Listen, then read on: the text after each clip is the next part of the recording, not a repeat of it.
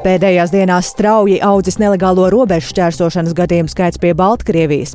Jau pēc mirkļa raidījumā pēcpusdiena plašāka intervija ar robežsardzes priekšnieku. Viens no priekšlikumiem varētu būt izskatīt silēnas robežu šķērsošanas vietas slēgšanu un šo personāla resursu novirzīšanu uz zaļās robežas apsardzību nu, un citām dienas vajadzībām. Mūsu kolēģi no citiem medijiem pētījuši pārtikas cenas. Raidījumā skaidrosim, kurš augstās inflācijas apstākļos nopelnīja visvairāk. Un jau pēc neilga brīža Latvijas basketbola izlase būs piezemējusies Rīgas lidostā. Raidījuma noslēgumā pieslēgsimies brīvības piemineklim, kur pussešos gaidāma svinīgā sagaidīšana. Arī par to raidījumā pēcpusdiena kopā ar mani Dāci Pēkšēnu.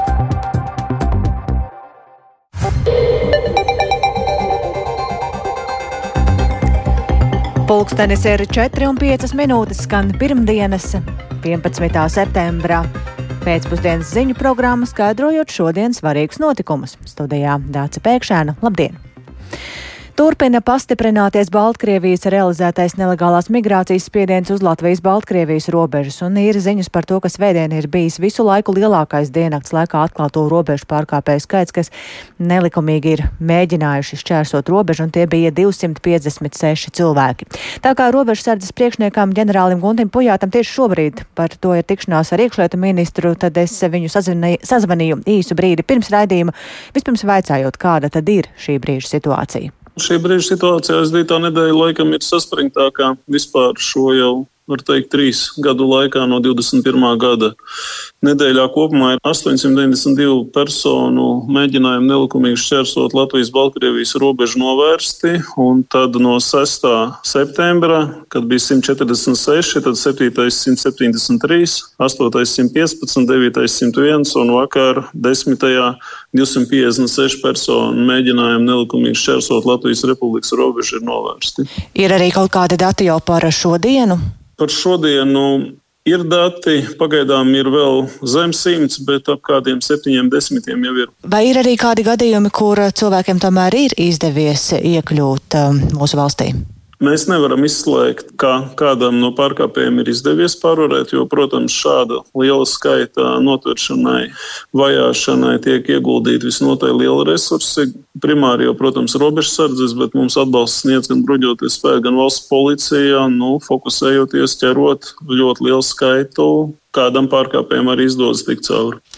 Ar ko jūs saistītu tieši šī brīža pieaugumu? Un es saprotu, ka nu, no pārējām valstīm, ja skatāmies uz Lietuvu, Poliju, tad um, šobrīd viss tā sarežģītākā situācija ir tieši uz Latvijas robežas. Latvija patreiz ir izvirzīta kā mērķu valsts numur viens, uz kurš šis nelegālās migrācijas spiediens tiek uh, virzīts. Uh, no acīm redzot, tas ir Baltkrievijas režīma. Pieļauju, ka pat arī komunicējot kaut kur ar uh, Krievijas spēcdienestiem izvirzīt kā mērķu valsts, kuru tad arī maksimāli ietekmēt ar šiem robežu pārkāpējiem. Jūs jau pieminējāt palīgus, kas nāk talkā, vai mums pietiek resursu un mēs spējam ar to tikt galā, un um, es saprotu, ka nāk talkā arī lietuviešu Tā tas ir. Esmu saņēmis eh, piedāvājumu no Lietuvas robežsargiem, un šodien noteikti ieradīsies ap 20 Lietuvas robežsargi, kas ar mums gan pirmā līnijā kopā veiks patrulēšanu, nepieļaujot, gan arī krimināla izmeklēšanas cilvēku atstrādājot, strādāja par šiem nelegālās migrācijas organizētājiem. Līdz ar to jau šodien ieradīsies eh, robežsargi no Lietuvas, kas mums plānos sniegt atbalstu. Attiecīgi par eh, Latvijas valsts resursiem tiks šodien nosūtīts vēl papildus pieprasījums bruņotiem spēkiem, lai paaugstinātu bruņoto spēku klātbūtni, veicot šo kopējo Latvijas robežas apsardzību. Vai ir plānots vēl kaut ko darīt uh, lietas labā, lai tie mūsu resursi būtu pietiekami? Es zinu, ka arī šodien jums ir tikšanās ar iekšlietu ministru, ko jūs plānojat šajā tikšanās reizē pārunāt. Gan šajā tikšanās reizē, gan arī valdības sēdē viens no priekšlikumiem varētu būt izskatīt silēnas robežu ķērsošanas vietas slēgšanu un šo personāla resursu novirzīšanu uz zaļās robežas apsardzību nu, un citām dienas vajadzībām. Tas nozīmē jau, ka iespējams tuvākajās dienās viens mūsu robežu punkts varētu tikt slēgts, es tā saprotu. Tāda iniciatīva no maniem tiks izteikta. Attiecīgi jau valdības um, lēmums būs, vai to apstiprināt vai nē. Tas jau tālāk ir droši vien iekšlietu ministra jautājums, vai mūsu darbības varētu tikt uh, kaut kādā veidā arī koordinētas ar pārējām valstīm. Atceramies, ka bija nesen arī iekšlietu ministra tikšanās uh, par to, ka Lietuva polija darbosies koordinēti. Patreiz mēs runājam par vienas robežas uh, šķērsošanas vietas slēgšanu, bet, ja iet runa par kopumā visu robežu šķērsošanas vietas slēgšanu, tad, protams, tā arī atbilstoši tām vadlīnijām, kas bija izstrādātas pie kādiem scenārijiem, varētu tikt skatīta gan Latvijas, gan Lietuvas, gan Polijas robežu šķērsošanu vietas slēgšanā. Tas būs nākamais solis runāt par pilnīgu Baltkrievijas izolāciju. Tik tālu robežsārdas priekšnieks Guntis Pujāts par šī brīža situāciju uz Latvijas-Baltkrievijas robežas, un tātad, kā dzirdējām, tad viņš rosinās slēgt Silēnas robežu šķērsošanas vietu. Tikmēr Baltkrievijas sabiedrotā Krievija turpina pilnapmēru karu Ukrainā, tāpēc Rīgā notiekošajā Latvijas un Eiropas padomas organizētā augsta līmeņa neformālā tieslietu ministru sanāksmē spriež par to, kā Krievijai likt uzņemties atbildību par pastrādātajiem noziegumiem, pārunāt tālākos darāmos soļus un arī to, kā nodrošināt Krievijas nolaupīto Ukrainas bērnu atgriešanos viņu ģimenēs, un plašāk par to stāsta Rihards Plūme. Ukraina vēlas, lai pie atbildības par valstī pastrādātajiem kara noziegumiem tiktu sauktas ne tikai militāra personas, bet arī augstākā Krievijas militārā un politiskā vadība. Eiropas padome jau pērn ierosināja izveidot tribunālu, kam būtu mandāts izmeklēt un saukt pie atbildības par agresijas noziegumu, ko pastrādājusi Krievijas politiskā un militārā vadība. Taču starptautiskajā sabiedrībā diskusijas turpinās un lēmums par tribunāla izveidi vēl nav pieņemts, jo valstīm viedokļi par tā nepieciešamību un tā modeli atšķiras. Kā sanāksmē Rīgā atzina Ukrainas tieslietu ministrs Denis Smaļuska, Krievijas prezidenta Vladimira Putina tiesāšanai nepieciešams panākt to, lai tiktu atcelta viņa imunitāte. Jautājums ir, kā likumīgi un saskaņā ar likuma varu atcelt imunitāti, lai tiktu īstenota pienācīga tiesa. Ja tiktu nolēmts īstenot ideju par hibrīda veida tribunālu, lai izvairītos saukt pie atbildības tos, kas pat tiesi ir vainojami pie agresijas nozieguma pastrādāšanas, Koncentrējoties uz sekundāras nozīmes personām, šaubos, ka Ukraina atbalstīs tādu ideju un būtu apmierināta tikai ar tāda līmeņa notiesātajiem. Kā atzina Maļuska, Ukraina Krievijas sodīšanā par tās agresiju un par tās pastrādātajiem kara noziegumiem saredz mērķus, kas saistīti ne tikai ar kriminālo, bet arī ar ekonomisko dimensiju. Proti runa ir arī par zaudējumu sekšanu Ukrainai no Krievijas puses. Tādēļ šīs dienas sanāksmē tika diskutēts arī par īpašu Ukrainai nodarīto zaudējumu reģistru, par kura izveidi tika lemts samitā šī gada pavasarī Reikjavīkā. Atsevišķā konferencē rīt tiks lemts par šī reģistra budžetu un soļiem, kā šis reģistrs Hāgā uzsāks savu darbību.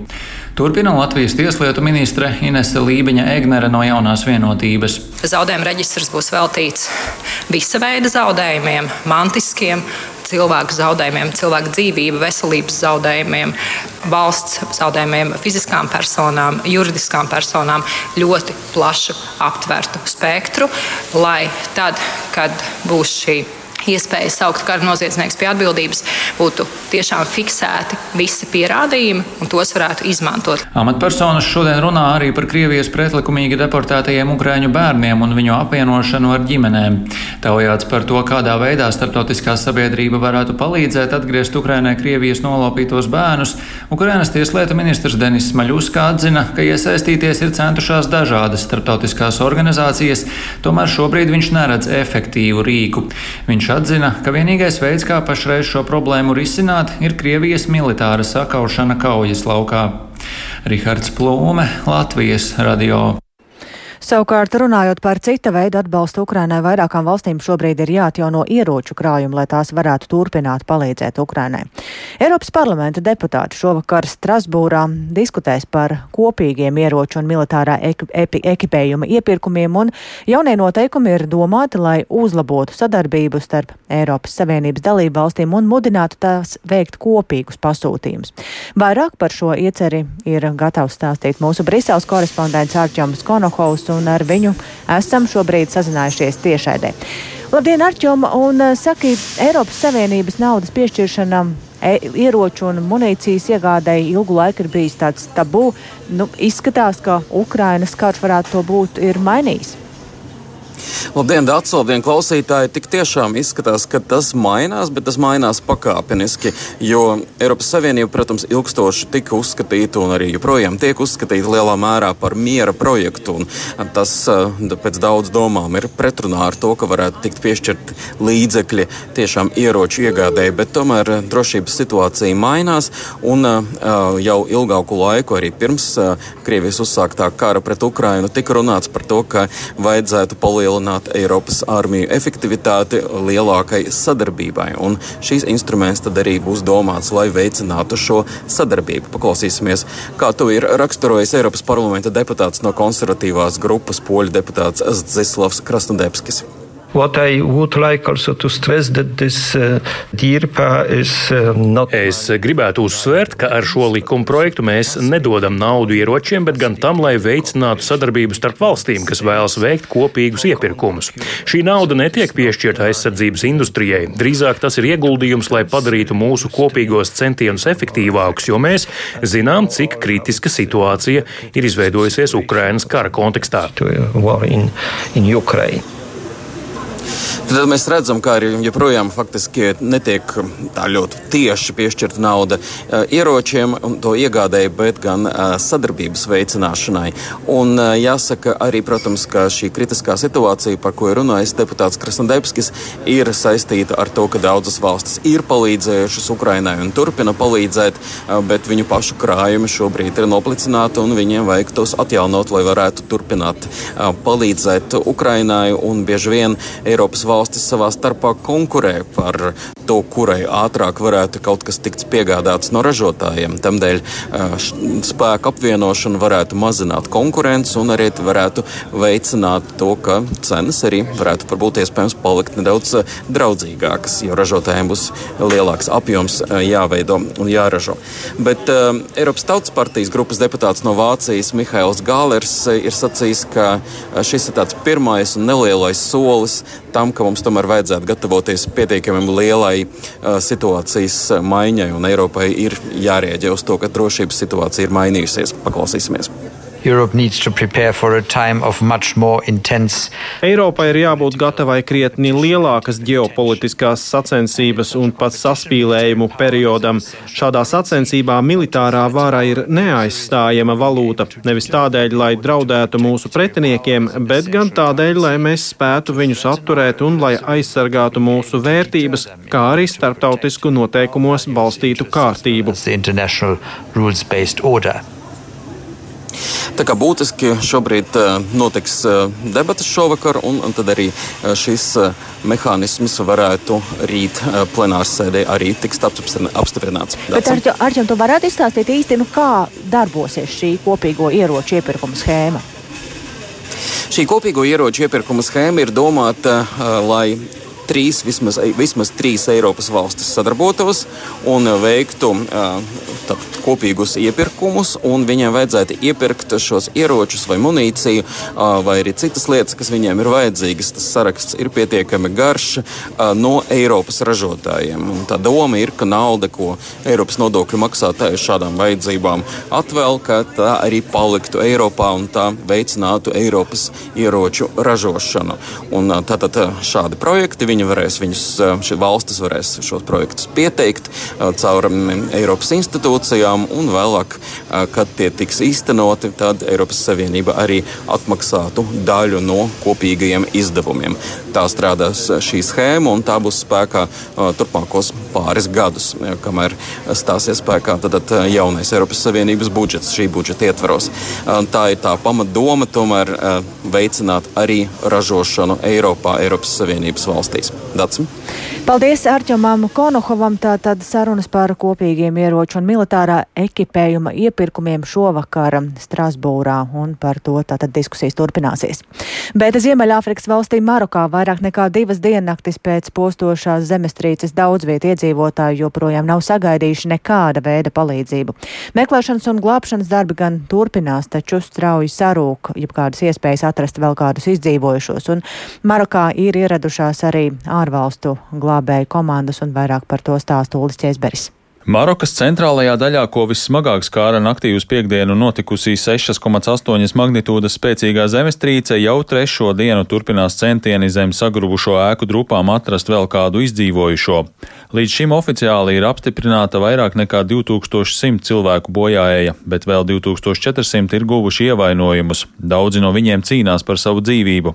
Ir skaidrs, ka bojāgājušo skaits ievērojami pieaugs, jo zem namu gruvešiem atrodas vēl tūkstošiem cilvēku. Tikai šodien glābējiem izdevās nokļūt vairākos atlasa kalnu ciematos, kurus zemestrīce faktiski ir noslaucījusi no zemes virsmas. Iepriekš tas nebija iespējams, jo autoceļus bija nobloķējuši nolūzuši koki un akmens bluķi. Taču daudzas apdzīvotās vietas joprojām ir nošķirtas no apkārtējās pasaules. Tur vietējie iedzīvotāji ar lāpstām un kailām rokām mēģina atbrīvot ēku gruvešus cerībā atrast vēl kādu izdzīvojušu tuvinieku, draugu vai kaimiņu. Simtiem tūkstošiem Marokas iedzīvotāju jau trešo nakti pavadīja zem klajām debesīm, jo viņi baidās no zemestrīces pēcgrūdieniem un no tā, ka viņu mājas var sagrūt, jo to konstrukcijas ir bojātas. Daudziem trūks dzeramā ūdens, pārtika un zāles. Daudz viet nav atjaunota elektrības padeve un ir nopietni traucēti telefona un interneta sakari. Jasīns Benhnija, kurš dzīvo turistu iecienītajā Urgēnas ciemā Atlasa kalnos, sūdzējās, ka varas iestādes pārāk gausi ir reaģējušas uz notikušo, lai gan cilvēkiem palīdzība ir nepieciešama steidzami. Mums trūkst medikamentu, īpaši diabēta slimniekiem un cilvēkiem ar augstu asinsspiedienu. Šeit ir daudz cilvēku, kuri cieš no šīm slimībām, un līdz šim mēs neesam saņēmuši šādu palīdzību. Viss, ko mēs lūdzam no varas iestādēm, ir, lai tās parūpējas par šiem cilvēkiem un redz, kas viņiem trūkst, jo galu galā mēs visi esam marokāņi. Startautiskā sabiedrība solidarizējas ar Maroku un piedāvā savu palīdzību. Spānija vakar paziņoja, ka uz Maroku ir nosūtīti 58 glābēji un 8 īpaši apmācīti suņi. Darbu ir uzsākuši arī glābēji no Francijas un Izrēlas. Savu palīdzību ir piedāvājušas arī ASV, Lielbritānija, Katara, apvienotie Arābu Emirāti un Turcija. Uldis Česberis, Latvijas radio. Kādi ir galvenie secinājumi izpētot pārtikas cenas lielveikalos Latvijā? Un kāpēc darba ņēmēji iebilst darba devēja vēlmē grozīt darba likumu un kāda atmosfēra valda Rīgā pie brīvības pieminekļa, kur pēc aptuveni stundas plānot sagaidīt mūsu basketbolistus. Tie ir daži no tematiem raidījuma pēcpusdienu turpinājumā.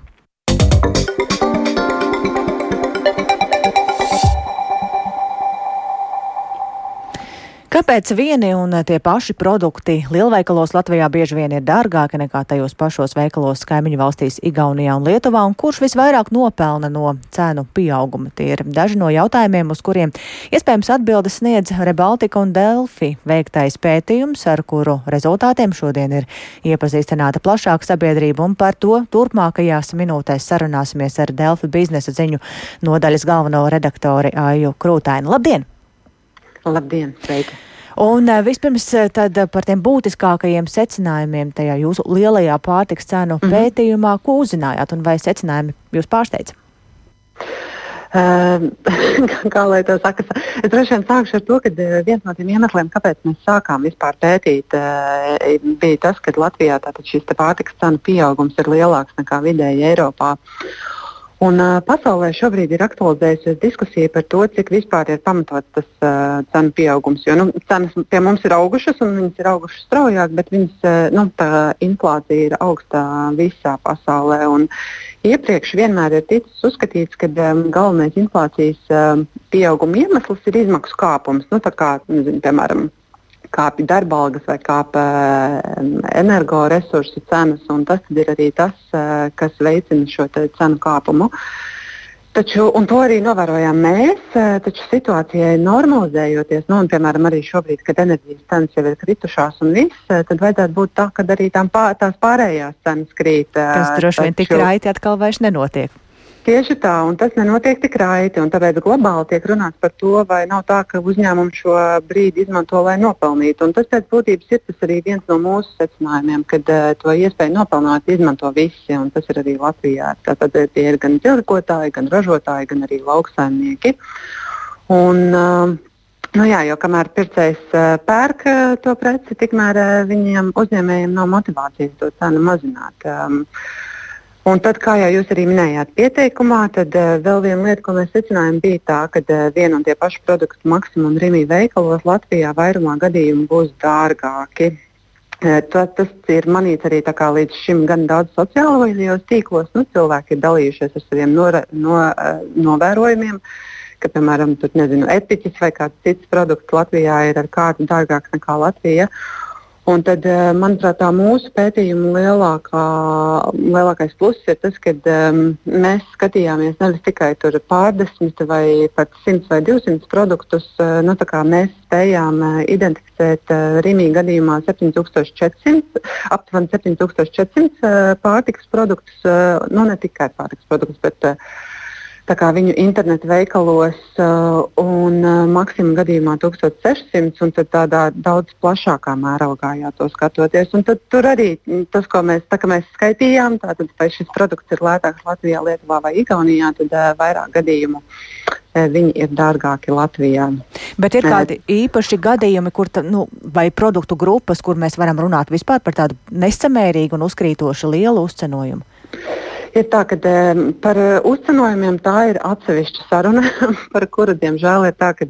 Mm, Tā lieta ir tāda, ka tirgotāji neko nerunā, ražotāji arī neko nerunā, jo tas ir, ir konfidenciāla lieta. Arī mums ir, mēs nu, spekulatīvi esam aprēķinājuši to dažiem tādiem populārākajiem pārtiks produktiem, bet tādu ļoti vispārīgu secinājumu mēs nevaram teikt. Nu, mums Viņu nav proti tieši par uzcenojumu. Bet, uh, Par cenām kā tādām, tas, kas uh, bišķīt iznāca ārā, ko mēs varējām redzēt, ka, piemēram, uh, Rīgā bija uh, īpaši dārgāki vīni, uh, un viņi pār, ļoti pārliecinoši starp tiem produktiem, kas ir dārgāki, tur izcēlās tieši vīnu un šampaniešu kategorija. Savukārt, Maksimam gadījumā tā bija kafija.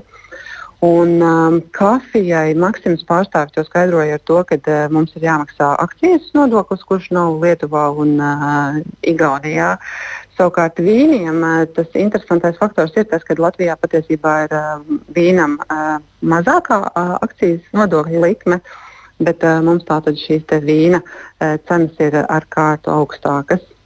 Un, kad, prasa, nu, kad mēs prasījām tiem tirgotājiem, tur tāda skaidrojuma Kāpēc tā uh, nav? Līdz ar to uh, nu, es nezinu, mēs varam tikai pieņemt, ka vienkārši uh, viņi uzliek šādu cenu, tāpēc, ka cilvēki joprojām pērk šo preci. Mm. Ir um, pieprasījums, ir piedāvājums, bet uh, ko ar šo visu iesākt? Nu, Galu galā vis, vispirms jau patērētājiem. Nu, mēs saprotam, ka, kā jau jūs minējāt, tirgotāji, ražotāji, lauksaimnieki šajā situācijā nopelna. Nu, ko darīt patērētājiem, kurš ir tam visam par vidu?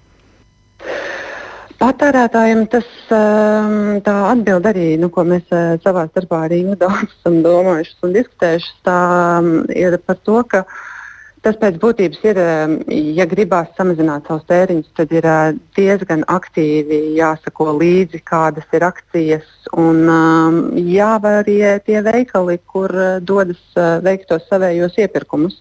Jo kaut kādā ziņā nu, uh, lielveikalos uh, daļa no tā uzcenojuma un tas, par ko mēs maksājam, tā ir tā ērtība, ka mēs ieejam vienā veikalā un uh, tur ir visas preces vienopus. Uh, Bet, ja gribās uh, tos savējos tēriņus samazināt un tā, lai viņi ir uh, nu, pēc iespējas mazāki, tad tas nozīmē to, ka, nezinu, piemēram, dārzeņus un uh, augļus uh, pērkam tirgu, kaut kādas lietas uh, braucam pirkt uz bāzēm un tā. Bet tas visticamāk uh, nozīmē to, ka ir jāiegulda tajā arī gan daudz laika. Jā, nu diezgan skaudri. Paldies.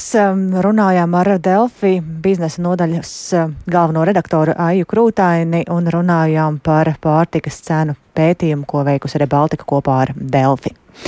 Par citiem tematiem turpinot, darba devēja politiķus aicina ar likuma izmaiņām uzlabot Latvijas uzņēmēju konkurētspēju, taču pret to asi iebilst Latvijas Brīvo arotbiedrību savienība, un tajā norāda, ka darba devēju priekšlikumi paredz mazināt darbinieku tiesību aizsardzības standartus, un vairāk par šo tematu interesējās Paula Dēvica.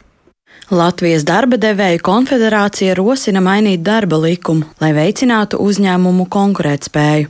Darba devēji norāda uz piecām prioritātēm - virsstundu apmaksu, dīkstāves regulējumu, nepilno summēto darba laiku, darba līgumu uzteikšanu, kā arī koplīgumu regulējumu. Piemēram, viens no priekšlikumiem ir samazināt virsstundu apmaksu darbiniekiem no 100% uz 50%. Tā stāsta Konfederācijas darba tiesību eksperts Jānis Pumpiņš šobrīd darba likums Latvijā nu, ir eh, tik labvēlīgs darbiniekiem un uh, tās garantijas un nodrošinājums, kas ir ietverts, īsti jau pat labāk nekur nevar, jo nu, tiešām tās normas ir uh, vislabvēlīgākās Eiropas Savienības dalību valstu līmenī. Šī gadījumā mēs runājam par šo elastību, konkurētspēju. Tāpat darba devēji piedāvā mainīt koplīguma regulējumu tā, lai tā nepārslēgšanas gadījumā tas nepagarinās automātiski, jo tas dotu iespēju pārskatīt darbiniekiem piešķirtos labumus. Pret šiem priekšlikumiem asi iebilst Latvijas Brīvo arotbiedrību savienība. Viņuprāt, šādas izmaiņas varētu notikt tikai tad, ja Latvijā darbinieku atalgojums sāktu pietuvoties Eiropas Savienības vidējam līmenim. Turpina savienības vadītājs Egils Baldzēns. Un mēs savas eh, prasības un nostājas stingri izteiksim, un eh, ja valdība pēkšņi izšķirsies, kad viņa vēlas kaut kādā mērā visas šīs grūtības atrisināt uz darbinieku rēķina, mēs būsim gatavi arī dažādām formām, kā arī tam iebilst stingri un radikāli. Juriste darba tiesību jautājumos Diana Grīmberga piekrīt arotbiedrībām saistībā ar virsstundu apmaksu. Viņa skaidro, ka virsstundas nedrīkst būt norma, tomēr bieži vien darba devēja šo problēmu nerisina un darbinieki tās strādā, lai piepelnītos. Grīmberga skaidro, ka tad arī darbiniekam ir tiesības saņemt simtprocentīgu apmaksu. Savukārt darba koplīgums ir tas, kas uzlabo darbinieka tiesisko stāvokli.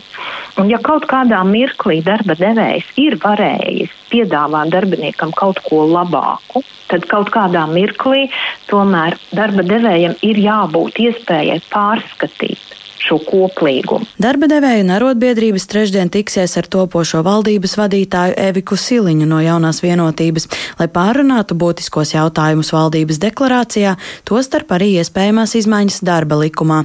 Paula Dēvica, Latvijas radio. Tas par to, ar ko nav apmierināti darba ņēmēji, bet ar ko nav apmierinātas pašvaldības. Visām pašvaldībām no nākamā gada janvāra ir pienākums izveidot un finansēt pašvaldības policiju. Valsts nauda šim mērķim nav paredzēta, tā jārot pašās vietvarās. Un ar to nav mierā Latvijas pašvaldības savienība, sakot, ka pašvaldības policijas, eh, pašvaldībām policijas izveida ir jauns obligāts izpildes veids, kam ir bijis jāseko arī finansējumam, un vairākas Latgales pašvaldības jau ir atzinušas, ka šobrīd iekšlietu ministrijas izstrādātās vadlīnijas pašvaldības policijas izveidai un darbības nodrošināšanai nav izpildāmas. Atšķirīgo finansiālo iespēju dēļ likumu daudz viet varēs izpildīt drīzāk formāli, un vairāk par to Lauras Ieviņas ierakstā. Rēzekne šobrīd ir vienīgā valsts pilsēta, kurā nav savas pašvaldības policijas. Pilsētas doma pirms deviņiem gadiem pieņēma lēmumu likvidēt pašvaldības policiju, to pamatojot ar tās neefektīvu darbu. Reizeknas domas priekšsēdētāja vietnieks Aleksis Stets atklāja, toreiz darbu zaudēja vairāk nekā 20 cilvēki. Sūdzību bija daudz, teiksim tā. Ņemot vērā jauno pašvaldību likumā iekļauto obligāto prasību no nākamā gada 1. janvāra visām pašvaldībām izveidot pašvaldības policiju, 21. septembrī Rēzeknes valsts pilsētas dome plāno izskatīt jautājumu par pašvaldības policijas izveidi pilsētā. Tiklīdz mēs apstiprināsim nolikumu, tiks izsludināts arī konkurss uz pašvaldības policijas vadītāju. Pašlaik viņa plāns ir Rēzeknes pilsētā izveidot pašvaldības policiju trīs cilvēku sastāvā. Respektīvi, tas ir priekšnieks, vecākais inspektors un inspektors. Iekšlietu ministrijas izstrādātās vadlīnijas paredz pašvaldības policijā jābūt vismaz 16 speciālistiem, un darbs jāorganizē diennakts režīmā. Mūsu gadījumā tas nebūs. Jūs saprotat, ka trīs cilvēki nevar nosēkt darba režīmu 247 šaubu. Tas būs no 8 līdz 5. Protams, ar to cilvēku sastāvu uzreiz visu pārņemt savā paspārnī mēs diez vai ka varēsim. Rēzaknes pašvaldības policijai plānotais budžets nākamajam gadam ir 83,5 tūkstoši eiro. Tas ir, protams, atalgojums, dienesta telpu remonts un tehniskie līdzekļi, tā skaitā tērpi, videokameras, megafoni un tā tālāk. Papildus finansējums būs nepieciešams speciālajam transporta līdzeklim. Un aptuvenais izmaksas par transporta līdzekli tie ir 40 tūkstoši eiro. Pašvaldība ir veikusi arī aprēķinus, cik liels finansējums būtu nepieciešams, ja pašvaldības policiju veidotu lielākā sastāvā. Turpina Aleksis Stets līdz pat pusmiljonam, ja tiks iesaistīti 19 cilvēki. Tā kā šobrīd jūs tādu ciparu atļauties nevarat? Mm, šaubam, jā, nevaram. Jā. Kopumā pašvaldību gatavību pildīt likumā noteiktās prasības par pašvaldību policiju izveidi un darbību iekšlietu ministrijas nozares politikas departamenta direktora vietnieks Imants Zaķis vērtē kā diezgan labu, kaut arī atzīst, ka problēmas pastāv īpaši ar personāla nokomplektēšanu vadlīnijas ir uh, vēlamais pašvaldības policijas modelis. Tas nenozīmē, ka obligāti ir jābūt šiem 16 darbinieku skaitu izvēlas pašvaldība.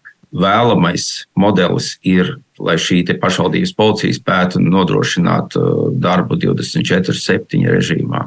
Jautāts par valsts atbalsta iespējām, Imants Seķis teica, kopš likuma pieņemšanas pašvaldībām bijis vairāk nekā gads laika sagatavoties. Tā kā tā ir pašvaldības autonomā funkcija, nu, autonomā funkcija ir jāfinansē no pašvaldības līdzekļiem. Šādam formulējumam gan iebilst Latvijas pašvaldību savienība. Tās padomniece juridiskajos jautājumos Vineta Reitere norāda, līdz šim pašvaldības policijas izveide bija brīvprātīga. Ja ir šis jauns obligāts funkcijas izpildes veids, tad arī ir norma pašvaldību likumā par finansējumu.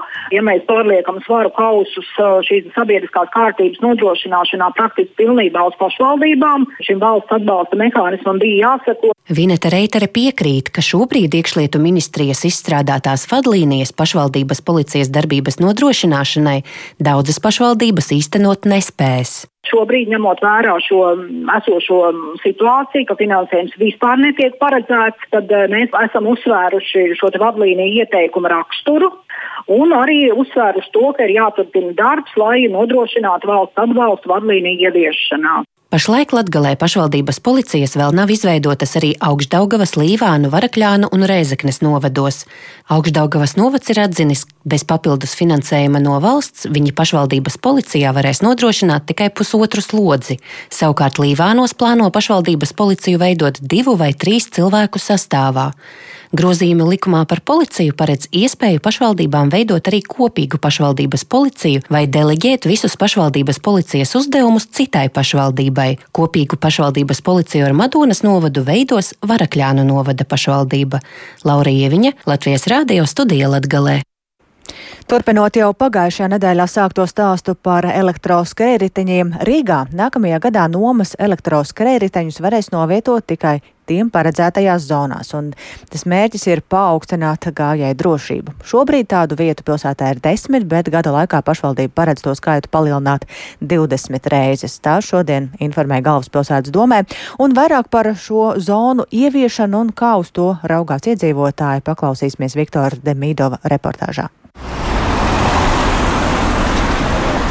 13. janvāra ielā blakus pazemes tunelim pie stacijas un Raiņa bulvārī pie krustojuma ar Krišāņa Valdemāra ielu. Šeit un vēl vairākās Rīgas vietās uz gājēju ceļa ir iezīmētas vietas, kur var atstāt nomas elektroskrējriteņus.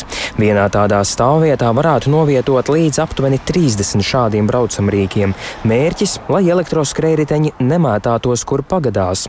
Lūk, ko par to saka ielās uzrunātie cilvēki. Tas ir nepieciešams, jā, jā vajag regulēt to visu kā nekā tas ir tas pats transporta līdzeklis, tikai pagāju ietvi. Es laikam to neatbalstīju. Tas prasīs lielu darbu. Izveidot pietiekami daudz šos punktus, kuros tos skūterīšus novietot. It kā cilvēkiem ērtības ziņā nekas nemainīsies, bet tas ir labākajā gadījumā. Sliktākajā gadījumā viņiem ar savu iekšanos sanāks mazliet visu pačakarēt. Es domāju, ka no vienas puses tas ir labi, ka viņus var nolikt konkrētās vietās. Jautājums, vai um, Nu, vai būs tikai šīs vietas, vai arī būs iespējas arī kaut kur citur? Es esmu vispār ienādnieks. es, es gribu, lai viņi nebūtu vispār nekad un nekur. Jā, jo man traucē tiešām. Un tādas stāvvietas nepalīdzēs, jūsuprāt? Mm, diez vai. Es pozitīvi vērtēju, uzskatu, ka būtu jāparādās tādām vietām.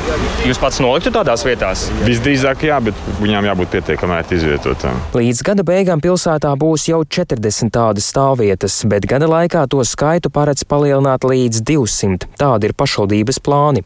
Turpina ārtelpas un mobilitātes departamenta direktora pienākumu izpildītājs Jānis Vaivots. Ja mēs redzam šādas novietošanas vietas, tad uh, novietojam skrējēji un attiecīgi nodrošinam to, lai šī brīvtelpa gājējiem ir pieejama. Kas būs, ja novietot ārpus šīm zonām? Šobrīd, atbilstoši regulējumam, tātad nekādas sankcijas īsti nav paredzētas.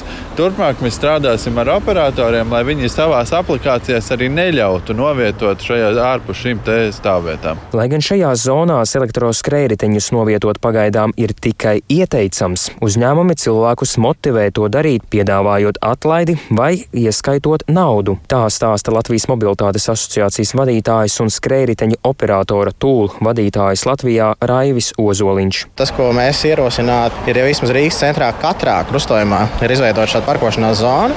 Īpaši ņemot vērā to, ka Rīgā šogad būs vairāk nekā 300 tūkstoši nomas karētiņu lietotāji, kas ir nu, puse no Rīgas iedzīvotājiem, kas būs izmantojuši šo pakalpojumu, kas atzīst šo kā labu mikromobilitātes risinājumu. Savukārt nomas elektroskrējriteņu ātrumu nākamajā gadā varētu samazināt no tagadējiem 25 km/h līdz 15. Šāds ātrums tagad ir spēkā Rīgas parkos. Vai ātrums būs samazināts visā centrā vai atsevišķās vietās, par to doma vēl lems. Viktors Demidovs, Latvijas radio. Un tagad gan par šīs dienas centrālo notikumu. No pasaules čempionāta svinīgi sagaidā mājās Latvijas vīriešu basketbola izlase. Tā debijā pasaules meistars sacīkstēs ir izcīnījusi augsto piekto vietu un mums aizvadītajās nedēļās sagādājusi milzam daudz pozitīvu emociju. Lielā sagaidīšana pussešos vakarā pie brīvības pieminekļa, bet eh, šobrīd pie brīvības pieminekļa atrodas arī kolēģis Mārtiņš Kļavinieks, un ar viņu esam sazinājušies. Sveiks, Mārtiņ, un kāda šobrīd atmosfēra pie brīvības pieminekļa? Tā kā es ceru, ka jūs esat gatavi kārtībā. Sveika, Dārts, un sveika arī Latvijas radio pirmā kanāla klausītāji. Atmosfēra ļoti, ļoti laba šeit ir, un uh, cilvēki palēnām pulcējas. Un, uh, nu, jāsaka tā, ka paliek arvien vairāk, bet es esmu saticis kādu ļoti aktīvu līdzutēju, kur es saprotu, ir vecmāmiņa arī kādam no basketbolistiem, kas gan nespēlē šoreiz izlasē, vai ne? Jā, jā, nespēlēja mans mazdēliņš, nesta, bet tikai tik daudz, kad es šodien pamanījos ja atrasties jau viena no pirmajām šeit ja? un mans Arthurs Dušels vēl nav ieradies, kaut gan es viņu gaidu. Man liekas, ka viņš tuvojas, bet var arī gadīties, ka viņš arī Rīgas lidostā ir un lidmašīna ir pārlidojusi mums pāri. Es arī dabūju to redzēt. Tik, tikko pārlidoja. Tik, tikko, jā. Un man tāda nojauta, ka viņš laikam no tā paša brīža, kad viņa draugi arī noteikti tur starp viņiem ir, jo mans Artūriņš arī ir basketbolists, divi metri ar kāpēciņām, liela auguma, spēcīgs, skaists, brīvs vīrietis. Varu pasludināt viņu izsolē arī meitenēm. Un es at... Kāpēc jūs esat šeit šodien? Kāpēc? Tāpēc, ka es gribu izjust šo skaņu, šo skaņu, šīs ovācijas. Ja? Es jau no Baldonas autobusa izkāpu, es redzēju jau visus līdzjūtējus. Man arī karodziņš, jūs redzat, rokās jā, ir. Ja? Sarkanais ir jā. Un arī bija uzmetnīši meitenēm karodzi. Nu, lielais, ko pie mājas jau liek tādu karogu, mm -hmm. vai ne? Tie uzmetnīši tādi. Var sakot, es esmu starā. Es esmu starā, un es varu tikai to pateikt, ka ir jāpiedalās visos šitādos masveidīgos sajietos, kas ir par Latviju, jo mūsu mājas ir Latvija. Tas vairo tādu kopības sajūtu. Tā ir tā kopības sajūta. Tev vairs nespēlē lomu ne slimība, ne kāju sāpes, nekas. Es no rīta varbūt jūtos pavisam švaka, bet šī brīdī es esmu viena no stiprākajām. Uzlādēt! Paldies, ka izturējāt mani un ka es varēju savu sirdi pilnībā jums priekšpusītē nolikt. Ar Dievu! Paldies, paldies! Izbaudiet pasākumu un uh, sekosim līdzi arī mēs attālināti Latvijas radio jums. Uh, un lai veids visiem! Uh, kas šeit atlidos, kas šeit ir jau sapulcējušies pie brīvības pieminiekļa. Vēl komandu mēs neesam šeit sagaidījuši, bet tuliņ, tuliņ jau gaidām, un tuliņ arī viņi drīzumā ieradīsies. Mēs tiešām lidmašīnu jau redzējām, pārlidojam gan Latvijas radio mikroautobusam, gan arī brīvības pieminieklim, un cilvēku tiešām kļūst ar vien vairāk. Ir Latvijas karogi, Latvijas izlases krēkli un dažādi citi atribūti, ka um, atpakaļ dāts pie tevis studijā. Jā, Mārtiņa, mēs dzirdam, ka mūsu zeme Latvija skanēja ne tikai spēļu laikā, bet šobrīd arī brīvības pie brīvības pieminekļa. Vai tu vari nedaudz ieskicēt, kā tad ir paredzēta sagaidīšana? Nu, Tūdaļ tā tad nu, nepilna stunda ir atlikusi līdz tai oficiālajai sagaidīšanai, lai gan mēs dzirdam jau, ka viss notiek jau, jau šobrīd.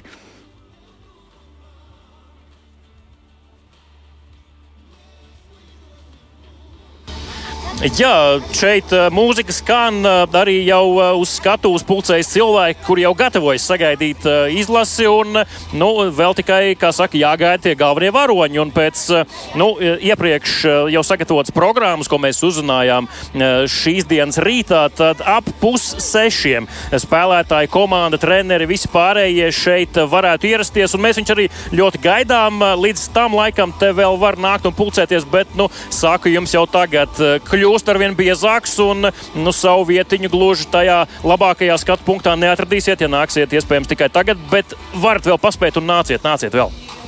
Paldies Mārtiņam Kļaviniekam. Tātad vēlreiz atgādinājums, ka mūsu basketbolistu sagaidīšana, oficiālā sagaidīšana sākas pulksten pussešos vakarā, bet ja nav iespēja būt klātienē, tad to klātienes sajūtu ir iespēja baudīt ar Latvijas radio starpniecību jau pēc aptuveni 15 minūtēm, 20 minūtēm pēc ziņām pulksten piecos klausēties Latvijas radio, tad tiešraidi vadīs Mārtiņš Kļavinieks un Andrejs Siliņš, bet um, šobrīd jau redzam arī LSM tiešēdē, ka lidmašīna ir nosēdusies, tātad arī basketbolisti jau pavisam, pavisam drīz sāks ceļu uz Rīgas centru.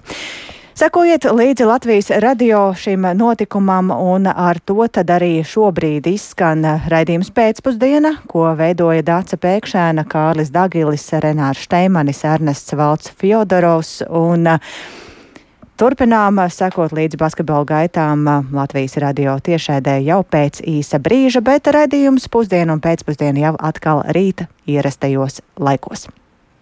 Yeah.